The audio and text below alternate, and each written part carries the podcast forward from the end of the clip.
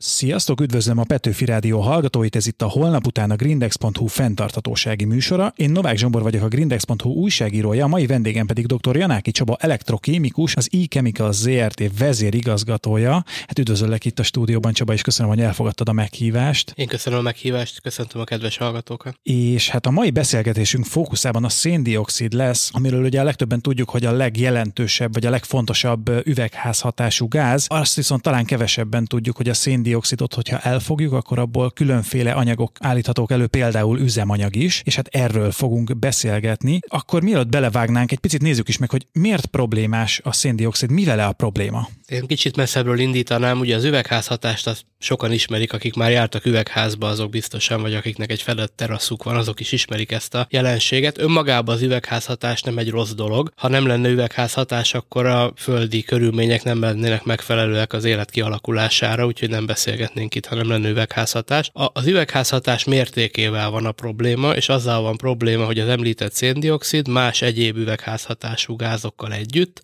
már olyan mértékű üvegházhatást gyakorol, ami a globális átlag hőmérséklet fokozatos emelkedésével jár, ami önmagában megint csak nem a legnagyobb probléma, a legnagyobb probléma az ezzel járó szélsőséges időjárási jelenségeknek a kialakulása. És ugye említetted a széndiokszidot, ugye emellett még a metán és a vízgőz is viszonylag jelentős. A széndiokszidról azért beszélünk ennyit, mert az annak a növekedése kötődik elsősorban az emberi tevékenység növekedéséhez és az emberi tevékenység intenzívebbé válásához. Na és akkor mit tudunk kezdeni ezzel a széndioksziddal, hiszen ha jól tudom, akkor erre a Szegedi Tudományegyetemen fejlesztettetek egy megoldást, hogy valamilyen módon ezzel a széndioksziddal kezdjetek valamit, hogyha azt elfogtátok. Alapvetően a széndiokszid kibocsátást sokféleképpen lehet csökkenteni. Ugye a legjobb kibocsátás csökkentés az, hogyha ki sem bocsátjuk a széndiokszidot, ugye ezek az úgynevezett energiahatékonysági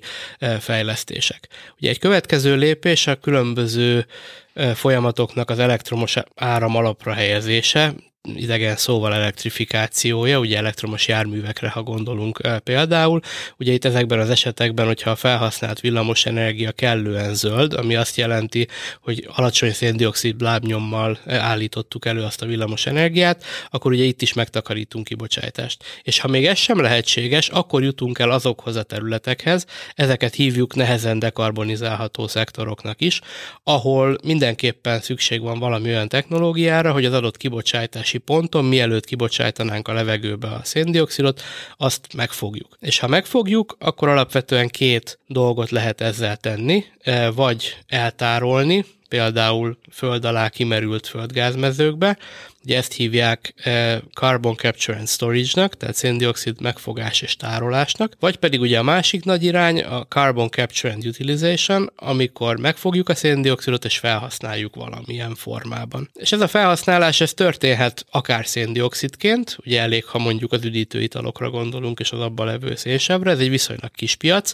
vagy pedig történhet úgy, hogy átalakítjuk a széndiokszidot valamilyen nagyobb értékű termékké, és ez a nagyobb értékű termék ez lehet akár vegyipari termék, akár szintetikus üzemanyag, és itt sokkal nagyobb piacokról beszélünk. És hát évről évre látjuk azt, hogy a légkörben egyre több a széndiokszid, hiába minden elektrifikáció, ugye, ahogy te mondtad, hiába a kibocsátás mérséklési próbálkozások, mégis évről évre egyre több széndiokszid van a légkörben. Tehát mindenképpen valószínűleg az a második út, amit az előbb említettél, ez vezethet oda, hogy megküzdünk ezzel a problémával. És ha jól tudom, a második útnak a második fele, amit említettél, az az, amint ti a cégetekkel jártok. Igen, hát azt azért fontos elmondani, hogy nincsen szent grál, tehát nincs egy megoldás, ami el fog vezetni a dekarbonizációhoz. Én azt gondolom, hogy mindennek megvan a maga helye, minden eljárásnak, technológiának meg lesz a szerepe abban, hogy akár Európában 2050-re nettó karbonsemlegesek legyünk, akár globálisan 2060-2070-re, e, és ebben megítélésem szerint komoly szerepet fognak játszani ezek a széndiokszid megfogási, tárolási, átalakítási technológiák.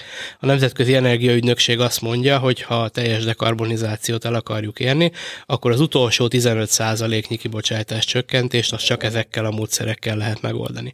És ami ezeknek a különös jelentőségét adja még, az az, hogy magára a széndiokszid megfogásra rendelkezésre állnak már érett technológiák, ugyanakkor az átalakításra még nem. És hogyha belegondolunk abba, hogy várhatóan a későbbiekben is használni akarunk szén alapú termékeket, legyen szó akár műanyagokról, vegyipari vegyipari alapanyagokról, ne adj Isten élelmiszerekről, amiket most foszilis alapon át tudunk előállítani kőolajból, földgázból, nem az élelmiszerekre gondolva, hanem a műanyagra, meg a egyéb vegyipari alapanyagokra, akkor a széndiokszid később egy erőforrás lesz, és ezért a kibocsájtott széndiokszidot vagy kibocsátás helyett megfoghatjuk, és átalakíthatjuk a termékké, és egy ilyen körforgásos széndiokszid gazdaságot elérhetünk.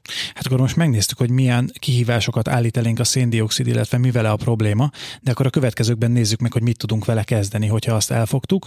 Úgyhogy maradjatok velünk, a szünet után folytatjuk a holnap után a grindex.hu fenntartatósági műsorát itt a Petőfi Rádión.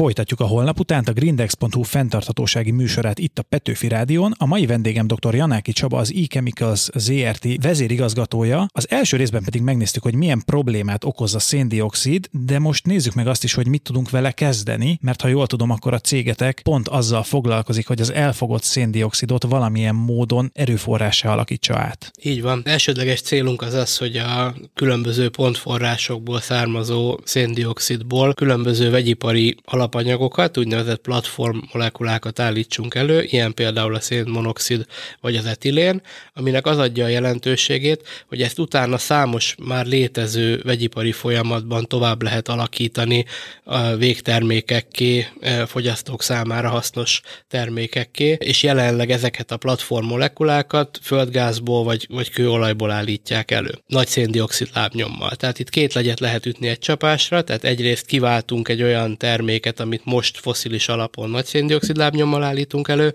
másrészt pedig ezt széndiokszidból tesszük. Tehát tulajdonképpen két legyet ütünk ezzel egy csapásra. És hogy hogyan tesszük ezt, ugye én elektrokémikus vagyok, ugye az elektrokémia azt jelenti, hogy elektromos áram hatására végbe menő kémiai folyamatokat vizsgálunk, talán e, sokan emlékeznek rá a tanulmányaikból, vizet bontottak adott esetben két grafitceruzára kapcsolt e, feszültség segítségével, és hidrogén-oxigén fejlődött. Ugye Emellett sok egyéb folyamat az iparban már működik elektrokémiai alapon. Itt, ha egy példát e, említhetnék, akkor például a klór előállítás az most is globálisan így történik elektrokémiai folyamatok segítségével, és mi is ezt szeretnénk, tehát csak megújuló forrásból származó villamos energia áram segítségével átalakítani a széndiokszidot szénmonoxiddá vagy etilénné, hogy az utána meglévő értékláncokban tovább alakítható legyen. Tehát azt mondod, hogy igazából azt a reakciót, amit használtok, azt egy általános iskolai kísérletben is bemutatásra kerülhetett, tehát hogy ebből számomra az következik, hogy nem feltétlenül túl bonyolult, de hát akkor miért nem használtuk korábban ezt? Miért engedtük, hogy ennyire sok széndiokszid kerüljön a légkörbe, ahelyett, hogy ezt tettük volna, amit mondtál, és két legyet ütöttünk volna egy csapásra? Ez egy nagyon releváns kérdés. A elektrolízis elektromos árammal végrehajtott reakciók az 50-es, 60-as, 70-es években viszonylag népszerűek voltak. Ugye ezt követően eh, villamos energia hiány alakult ki a világon gyakorlatilag mindenfelé, és nagyon drága lett a villamos energia, és e, környezetszennyező is, mert nagyon sok esetben e, szén erőművekben állították elő a villamos energiát. Ugye most az utóbbi években, évtizedben látjuk a megújuló energiaforrásoknak a viszonylag gyors e, elterjedését a világ különböző részein, legyen szó napenergiáról vagy szélenergiáról. Ezzel párhuzamosan látszik az, hogy az ezekkel termelt villamos energia költsége is csökken, és ráadásul van egy társadalmi nyomás is a zöldülésre. Tehát három dolog van együtt, növekvő megújuló energiakapacitások, ezek zöldek, egyre olcsóbbak, és van egy társadalmi nyomás is. Tehát tulajdonképpen újra előtérbe kerülnek azok a technológiák, vagy azok a módszerek, amik lehet, hogy azért nem váltak technológiává évtizedekkel ezelőtt, mert egyszerűen a gazdasági környezet, a gazdasági feltételek nem motiválták a fejlesztőket arra, hogy egy ismert alapjelenséget, mint például a széndiokszid elektrokémia átalakítása 130 éve ismert, mint alapjelenség, hogy ebből eljárást, berendezést, technológiát fejleszem bárki. És uh, ugye azt mondtad, hogy megújuló energiákkal dolgoztok. És ugye a megújuló energiákkal kapcsolatban az egyik leggyakoribb kritika, hogy nem feltétlenül akkor állnak rendelkezésre, amikor használnánk őket. De akkor az azt jelenti, hogy a ti megoldásotokkal tulajdonképpen a tárolást, az energiatárolást is tudjuk új alapokra helyezni tulajdonképpen? Technológiai szempontból igen. Tehát az úgynevezett úgynevezett power to gas, vagy power to liquid technológiák, amiről itt is beszélünk, hogy villamos energiából például szénmonoxidot állítunk elő, azok technológiai szempontból képesek arra, hogy a fluktuáló mennyiségben rendelkezésre álló megújuló energiát eltárolják. Az egy gazdasági kérdés, hogy ez megéri-e, vagy pedig jobban megéri a berendezést folyamatosan működtetni, és a villamos energiát tárolni a működtetés, nem működtetés közti időszakokban. Meg fogjuk látni, elvileg lehetséges. A vegyipar hagyományosan nem egy fluktuációhoz szokott iparág, az ottani vegyipari technológiák azok a 7-7 napján 24 órában mennek, és aztán nyáron van egy három hetes karbantartás. Tehát ez, ez egy koncepcionális különbség, hogy lehet úgyis eh, kémiai reakciókat, vagy vegyipari folyamatokat eh, működtetni, hogy, hogy ezt nem folyamatosan tesszük, ezt el fogja dönteni az idő. Említetted, hogy pontszerűen fogjátok el a széndiokszidot. Ezt hogy kell érteni? Ez akkor nem azt jelenti, hogy mondjuk egy mezőn felállítotok nagy turbinákat, ahogy például Izlandról látni ilyen fotókat, hogy ott úgy próbálják elfogni a széndiokszidot, hogy hatalmas ventilátorokon pörgetik át a levegőt, és aztán azt eltárolják a földben, de hogy akkor ez egy kicsit másképp működik, ha jól gondolom. Tehát a széndiokszid megfogásának a költsége alapvetően attól függ, hogy a megfogni kívánt közegben mekkora mennyiségben van jelen a széndiokszid. Hogyha gondolunk mondjuk egy bioetanol üzemre, ami kukoricából vagy kukoricaháncsból állít elő etanolt, annak a mellékterméke az nagyon nagy tisztaságú széndiokszid, abból nagyon olcsón meg lehet fogni a széndiokszidot. Egy tipikus pontforrás, mert lokalizáltan, nagy mennyiségben, nagy koncentrációban bocsájt ki széndiokszidot. Ezek az elsődleges célpontok a különböző hasznosító technológiák, így a mi technológiánk számára is.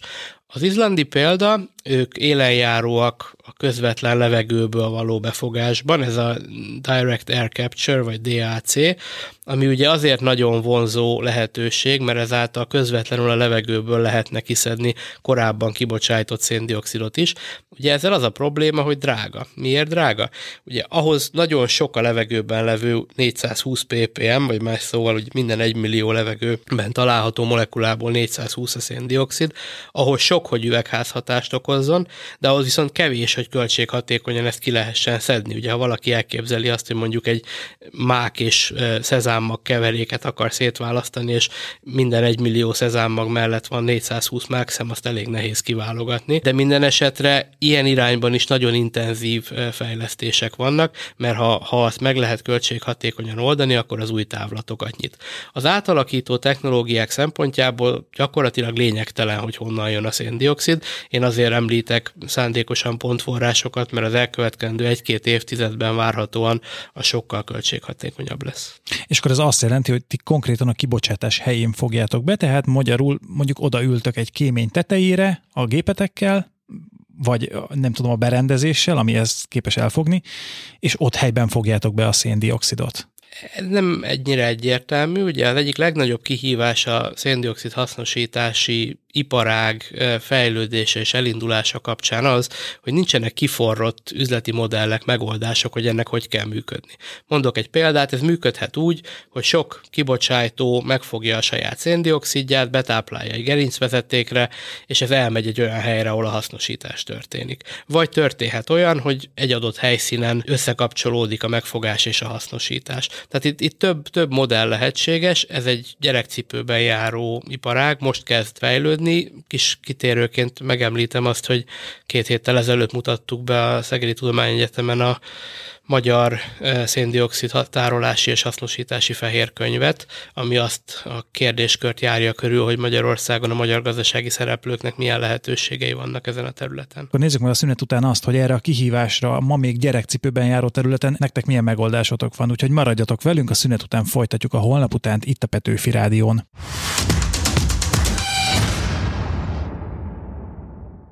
Folytatjuk a holnap után a grindex.hu fenntartatósági műsorát itt a Petőfi Rádión, a mai vendégem pedig dr. Janáki Csaba, az iKemika ZRT vezérigazgatója, és most már megnéztük azt, hogy mi a probléma a széndioksziddal, mit tudunk vele kezdeni, de akkor nézzük meg azt is, hogy a ti megoldásotok az hogyan működik, miben kínál megoldást erre a kihívásra. Ezt a problémakört 7-8 évvel ezelőtt kezdtük vizsgálni a Szegedi Tudományegyetemen még felfedező kutatás szintjén, amikor azt a kérdést tettük fel, hogy mi az, ami igazán meghatározza az ilyen széndiokszid átalakító, elektrolizáló celláknak a teljesítményét.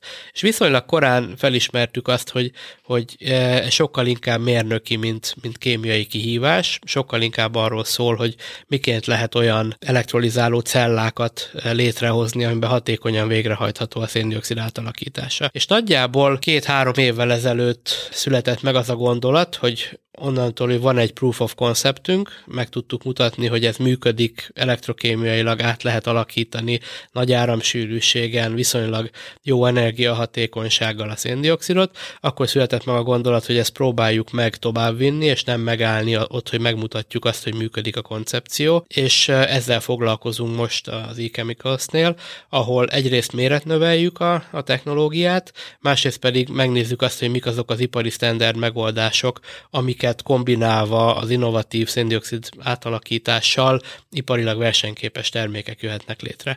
Ez konkrétan azt jelenti, hogy most másfél éven belül, kicsit több mint egy éven belül lesz két konténeres prototípusunk, ezt úgy kell elképzelni, mint a hajózási konténereket, ilyen 6 méter hosszú, 3 méter széles, 3 méter magas konténereket, amiben benne van a, ez a széndiokszid átalakító technológia, igazából csak az áramot kell hozzákötni, ami jöhet jöhet akár a hálózatról, jöhet közvetlenül egy naperőműből, és a széndiokszid forrást kell hozzá kapcsolni, és működik az átalakítás.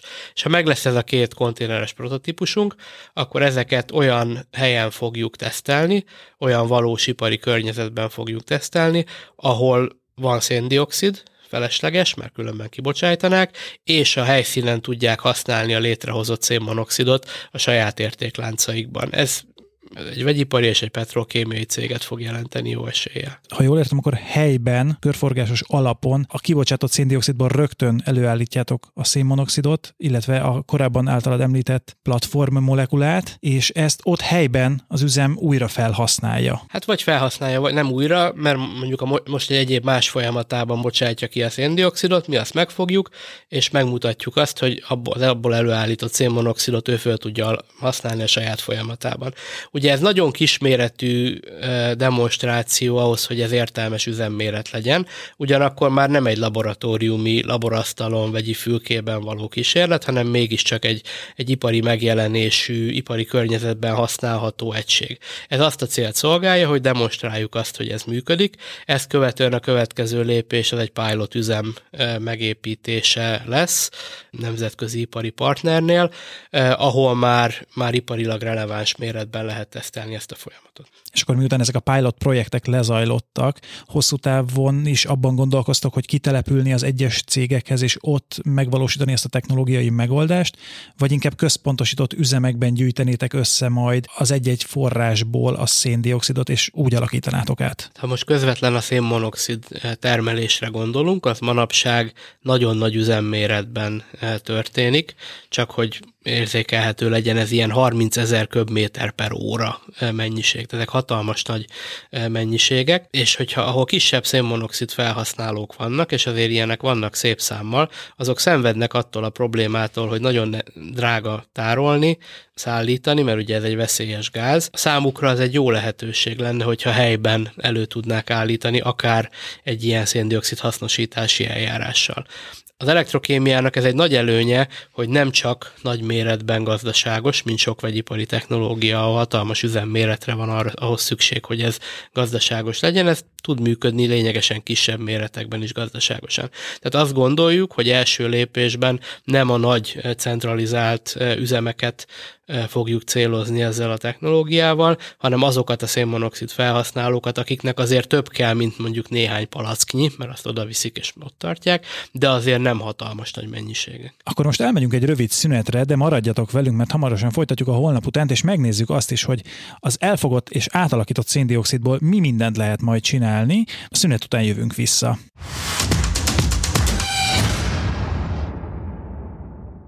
Folytatjuk a holnap után a grindex.hu fenntartatósági műsorát itt a Petőfi Rádión. A mai vendégem dr. Janáki Csaba, az e-Chemicals vezérigazgatója, és hát most már szinte mindent tudunk a széndiokszidról, beleértve azt is, hogy mit tudunk vele kezdeni, hogyan tudjuk elfogni, és hogyan tudjuk azt átalakítani. Viszont arról még nem beszéltünk, hogy amikor elfogtuk és átalakítottuk a széndiokszidot a ti technológiátokkal, akkor azzal mit tudunk kezdeni? Mire jó ez a platform molekula, jól mondom? A platform molekula egy általános kifejezés, az azt jelenti, hogy sok irányba tovább lehet alakítani, és ugye a szénmonoxidról beszéltünk, ugye a szénmonoxid és hidrogén elegyét szintézis gáznak nevezik a vegyiparban, azért, mert nagyon sokféle terméket elő lehet belőle állítani. Elő lehet állítani belőle metanolt, különböző szénhidrogéneket, és ha már szénhidrogénekről beszélünk, ugye annak a felhasználása nagyon széles körű, egészen a szintetikus vaxra gondolunk, készkrémeken, eh, keresztül egészen a szintetikus üzemanyagokig, amiről lehet, hogy a kedves hallgatók is az utóbbi időben többet hallottak az egyre szigorodó Európai Uniós előírások kapcsán. Ugye a közelmúltban elfogadott megújuló energia direktíva szabályozza azt, hogy 2030-ra, 32-re, 35-re és így tovább mekkora mennyiségben kell szintetikus üzemanyagot használni a légi közlekedésben és a tengeri hajózásban. Miért érdekes ez?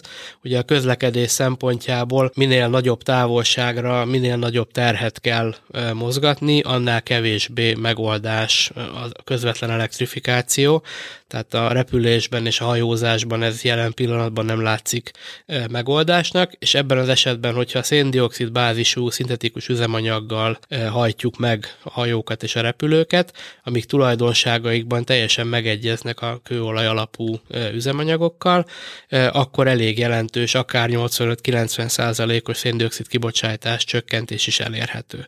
Ez személygépjárműveknél nem annyira releváns, ugye egész egyszerűen azért, mert az energia átalakítás hatásfoka, hogy mi áramból csinálunk szintetikus üzemanyagot, azt felhasználjuk, az nem annyira jó, mint hogy árammal megtöltünk egy akkumulátort, és utána abból elhasználjuk, de ahol nem opció eh, a közvetlen elektromos áram felhasználás, ott ez egy nagyon hasznos terület lehet. Még egy gondolat, talán nem csak szénmonoxidot lehet előállítani eh, széndiokszidból elektrokémiai módon, hanem például etilént is.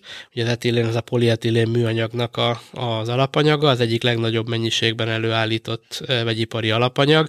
Ugye polietilent mindenfelé használunk a mindennapi életünkben, és ezt is, hogyha széndiokszid alapra lehet helyezni, akkor egy elég jelentős kibocsátás csökkentési potenciált jelent. Laikusként azt gondolom, hogy ha valahol megfogjuk a széndiokszidot, aztán abból készítünk egy üzemanyagot, és aztán azt felhasználjuk, tehát elégetjük, és újra széndiokszid kerül a légkörbe, akkor valójában nem feltétlenül értünk el valós széndiokszid csökkentést, csak későbbre eltettük a problémát. Ez egy teljesen valós felvetés. Ugye azok a legjobb széndiokszid hasznosítási, tárolási módszerek, ahol nagyon hosszú időre eltároljuk a széndiokszidot. Ugye ez például a föld alatti tárolás vagy hasznosítás esetében az építőipari alkalmazások. Ugye ezt azzal szokták kifejezni, hogy átlagosan mennyi ideig marad beépítve az adott széndiokszid. Ugye például az említett műanyagipari alkalmazások esetében ez néhány évtized, és valóban a szintetikus üzemanyagok esetében ez néhány hét hónap, ugye ameddig felhasználásra nem kerül. Ebben az értelemben ez a legkevésbé attraktív széndiokszid hasznosítási módszer.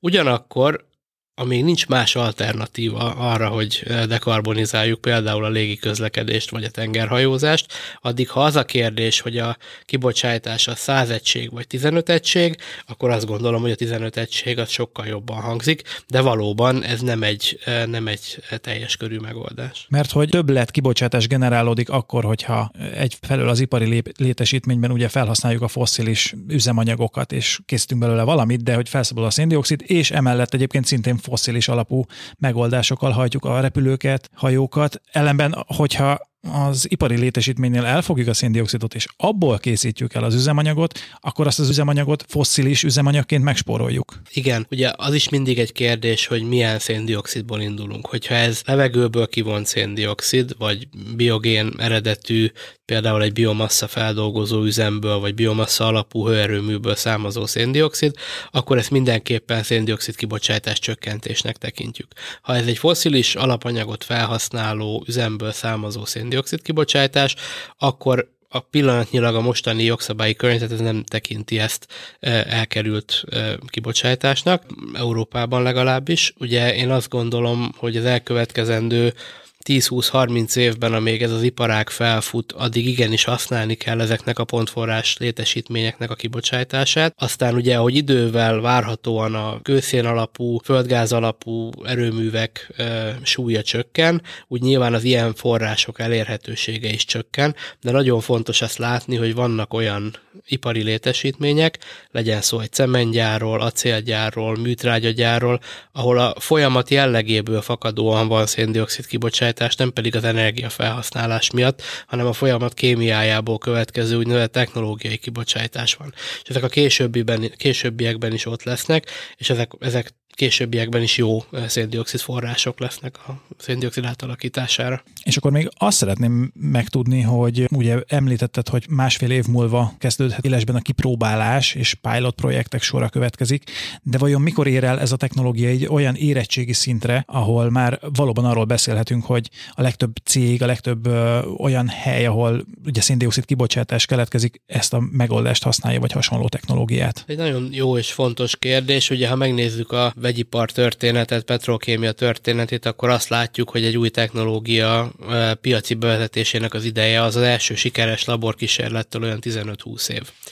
Egész egyszerűen azért, mert nagyon sok paramétert meg kell vizsgálni, sok lépésben méretet kell növelni, és illeszteni kell a meglévő egyéb folyamatokhoz egy-egy új technológiát. Ugye mi esetünkben ugye 6-7 éve elkezdtük ezt a munkát, úgyhogy ha most 15 évből indulunk ki, akkor azt mondhatjuk, hogy ez 7-8 év múlva piacképes lesz, és nagyjából így is látjuk eh, igazából. Tehát azt látjuk, hogy 25-re meg lesznek ezek a konténeres demonstrátorok, 2027-ben lesz eh, pilot üzemünk, és akkor onnantól kezdve ilyen 2030-2031 magasságában azt gondoljuk, hogy nem a hatalmas nagyméretű üzemekkel, de, a, de az első üzemek megjelenhetnek. Még az jutott most hirtelen eszembe, hogy egyébként mennyire érdekeltek a cégek abban, hogy, tehát, hogy ez nekik anyagilag megéri, tehát hogy bele fognak ebbe ugrani, vagy, vagy ez igazából csak az előírások miatt lesz egy érdekes kérdés számukra? A kettő az összefügg egymással. A szabályozónak kulcs szerepe van. Nem csak Magyarországon, Európában, de látjuk az Egyesült Államokban, Koreában, Japánban, Ausztráliában, hogy a szabályozónak a szabályozása fogja kikényszeríteni azt, hogy ez egy gazdasági racionalitás legyen. Ugye azt látni kell, hogy a zöld átállás az nincs ingyen. Ahhoz, hogy zöld technológiák jelenjenek meg, arra áldozni kell.